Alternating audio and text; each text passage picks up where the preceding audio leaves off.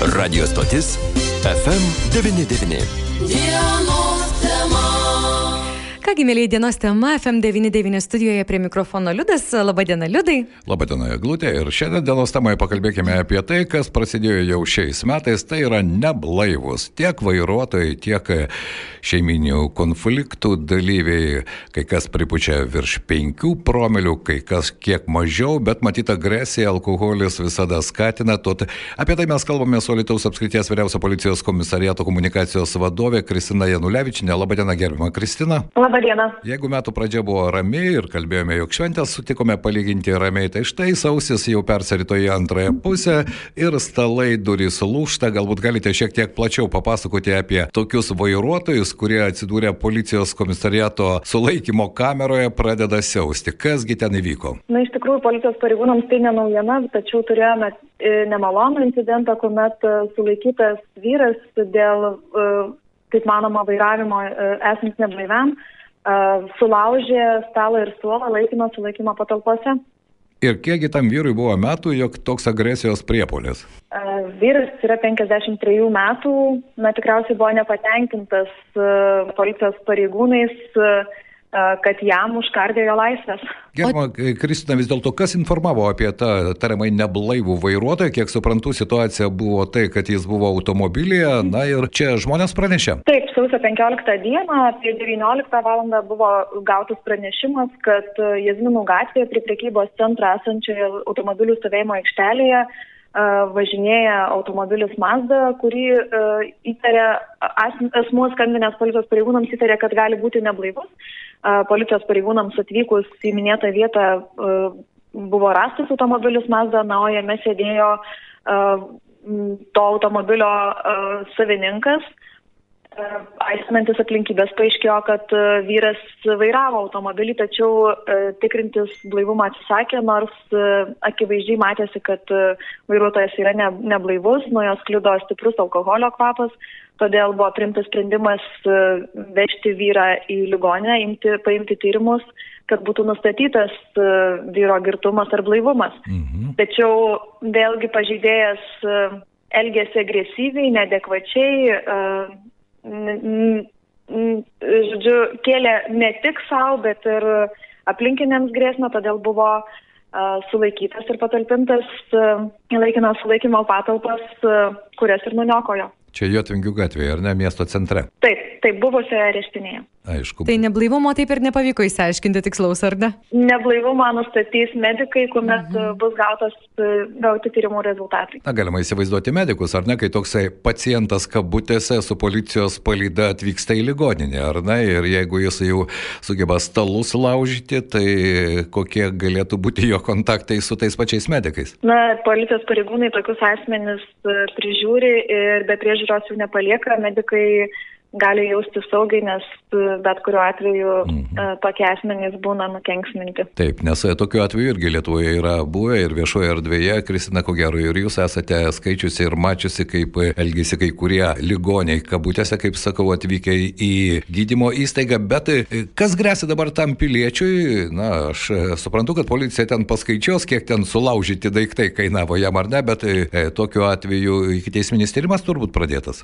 Dėl vairavimo neblaivam taip yra pradėtas iki teisminis tyrimas.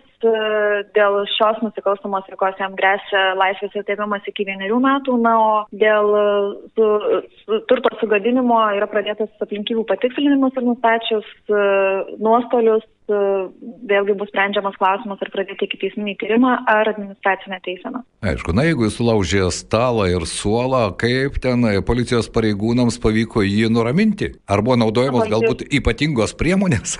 Ne, ypatingų priemonių imtis nereikėjo, tiesiog asmo buvo pervestas į kitą patalpą.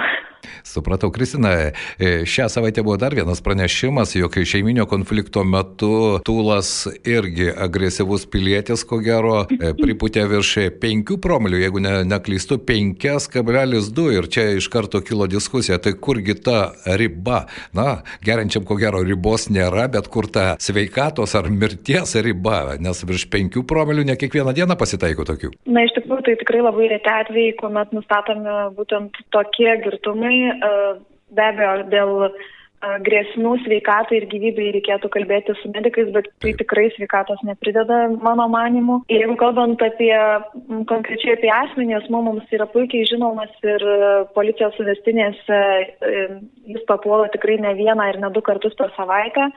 O, ir tas, per savaitę. Ir, Per savaitę Taip, netgi kolegė nustebo. taip. Taip. Tai yra nuolat, nuolatinis mūsų klientas ir nuolatinis smurtautojas prieš, uh, šeimo, prieš šeimos narius, tai tiesiog tai yra labai liūdna. Na štai tokia situacija, jūs pasakėte, nuolatinis smurtautojas prieš šeimos narius ir nejaugi neįmanoma nieko padaryti. Jūsų nuomonė vis dėlto kažkokia išeitis yra, nes aš, aš įsivaizduoju, jog čia jau balti arkliai šuoliuoja, jeigu žmogus ten pripučia 5,2 promilės, tai reiškia, jog ilgalaikis girtuokliavimo etapas, jeigu kraujuje tiek alkoholio yra, tai kaip turi jaustis to žmogaus šeima ir nejaugi nėra jokių priemonių. Na, čia vėlgi m, tokia labai trapi riba, kai mm. uh, policijos pareigūnai uh, neleidžia arba nustato gyventi skyriumi auką ir smurtautoją, tačiau auka pasigailėjusi savo artimo asmens priima jį atgal. Na, tai tęsiasi ne vienerius metus ir, kaip minėjau, ne vieną kartą per savaitę. Aišku, ir tas ratas sukasi, ar ne? Taip. Taip. Na štai, tokie didvyriai pasirodo Lietuvoje yra. Šiandien noriu padėkoti, mūsų pašnekovė buvo Lietuvos apskrities vyriausio policijos komisariato komunikacijos vadovė Kristina Janulevičianė. Na tikėkime, kad galbūt čia tokie tik sutapimai, kad per keletą dienų e, tokie gerokai įpiešę smurtautojai vienas stalus laužo, kitas ko gero debošus namuose kelia. O kaip bendra situacija dabar? Šventės praėjo, viskas liktai ir miestas toks ramiai tuščias, ypatingai šiuo metu.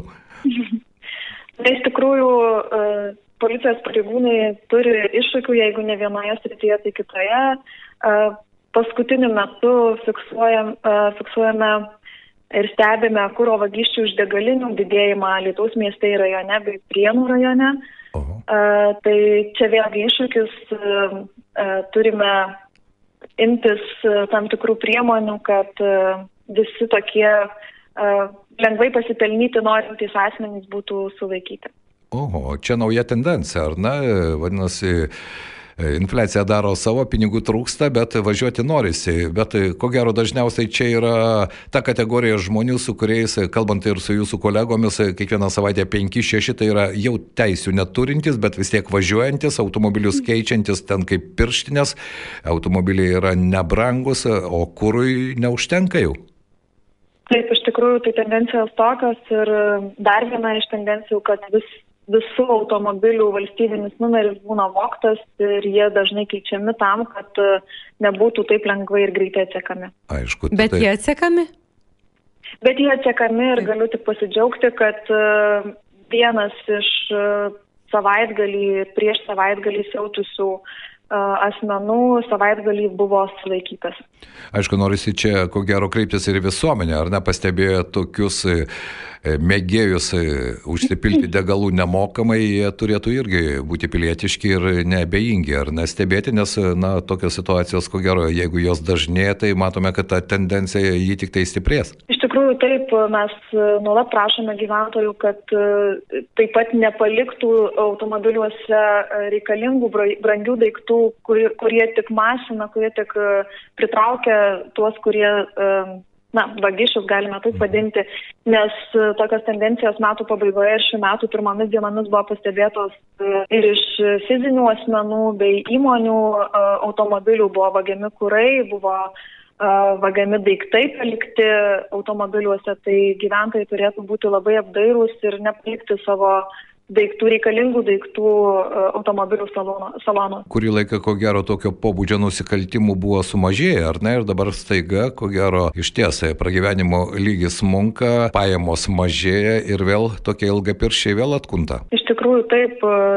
Nusikalsti linkę asmenys arba asmenys, kurie važiuoti nori, bet neturi už ką važiuoti, linkę daryti būtent tokius nusikal, nusikaltimus. Kristina, ir paskutinis klausimas, štai Kauno prokuratūra vakar teismui perdavė bylą, kurie kažkiek tai figuruoja ir alitus, tai yra e, stambi narkotikų platintojų byla, kurie turėjo savo laboratorijos Ispanijoje, ten netgi veždavo socialiai e, žmonės esančius atskirtie, kurie, na, dirbo tose plantacijose, bet ko gero tai irgi pareikalavo didelio darbo. Čia e, Mariampolės policija daug dirbo, matyt Kauno policija, bet nebejoju, kad ir Alitaus apskrities policijos pareigūnai irgi buvo prisidėję, nes ten prokurorų pranešimuose ir spaudos konferencijoje buvo paminėtas ir Alitus. E, Na, iš tikrųjų, e, Alitaus policijos pareigūnai prisideda ne prie vieno ikiteisminio tyrimo, kuris e, vyksta ir už Alitaus apskrities teritorijos ribų. Tai e, dabar konkrečiai negalėčiau Taip, tikrai supratau. detalizuoti, kaip ir kiek prisidėjome, bet net metama galimybė. Kągi, šiandien noriu padėkoti dar kartą, Kristina, jums ir priminti mūsų klausytojams, jog e, tikiuosi sausio, vasario, sausio pabaigoje, vasario pradžioje bus susumuoti visi praėjusių metų kriminalinio gyvenimo e, momentai mūsų apskrityje ir aš tikiuosi, kad Kristina su jūsų pagalba mes galėsime ir mūsų informaciją, mūsų klausytojams tą informaciją pateikti, padiskutuoti, kokios tendencijos, kai kurias jūs jau šiandien štai išvelgėte ir pakalbėti apie bendrą situaciją tiek pietų Lietuvoje, tiek Alitaus mieste ir rajone. Ačiū šiandien už informaciją. Ačiū Jums, būkim saugus. Na štai, pasirodant tokios tendencijos ir degalus pradėjo vokti ir automobilius tenka saugoti. Šią informaciją pateikė Lietuvos apskrities vyriausio policijos komisariato komunikacijos vadovė Kristina Janulevičinė. Kaip matome, ir neblaivių, agresyviai nusiteikusių žmonių taip pat atsiranda. Stipriai, stipriai neblaivių, net sunku suvokti tokius skaičius, bet kalbant beje apie ilgapirščius ir apie vogimus iš automobilių, iš ties kaip, kaip būna gaila, ar ne, kaip pavyzdžiui išdaužė stiklą kažkokią, ar ne, ir, ir niekniekiai kažkokį tiek žmonėms žalos padaro. Jau nekalbu apie tai, kad tikrai buvo prieš gerą savaitę, jeigu neklystu, pasipylė žinios, kad dingo, dingo veidrodėliai Vilniui, prasisuko ilgapirščiai, veidrodėlius nusukinėjo nuo vienos markės automobilio, konkrečiai nuo vienos markės automobilių nusukinėjo, nulaužinėjo veidrodėlius, pavyzdžiui, ar ne, kažka- kažkoks keistas dalykas, tokį Na, prieš tai ne, Kai reikia negirdėti, nematyti. pinigų, be jokios abejonės, yra gal- galbūt konkretus užsakymai, kad reikalingi būtent tokios markės automobilio ten atsarginės dalys. Tad tai čia belieka kreiptis į visuomenę, be jokios Taip, abejonės, taip, būkite atidus ir patys saugokite savo turtą, nepalikite jo automobilio. Na ir žinoma, informuokite, kaip ir šiuo konkrečiu atveju, kai Mazda vairuotojas buvo sulaikytas, po to jis sulaužė stalą ir suolą, na o dabar ko gero pradėta iki teismi, pradėtas iki teisminis tyrimas, tad visiems linkime saugios dienos, būkime pilietiški ir tikėkime, kad teks rečiau kalbėti tokiamis temomis. Iš ties. FM 99.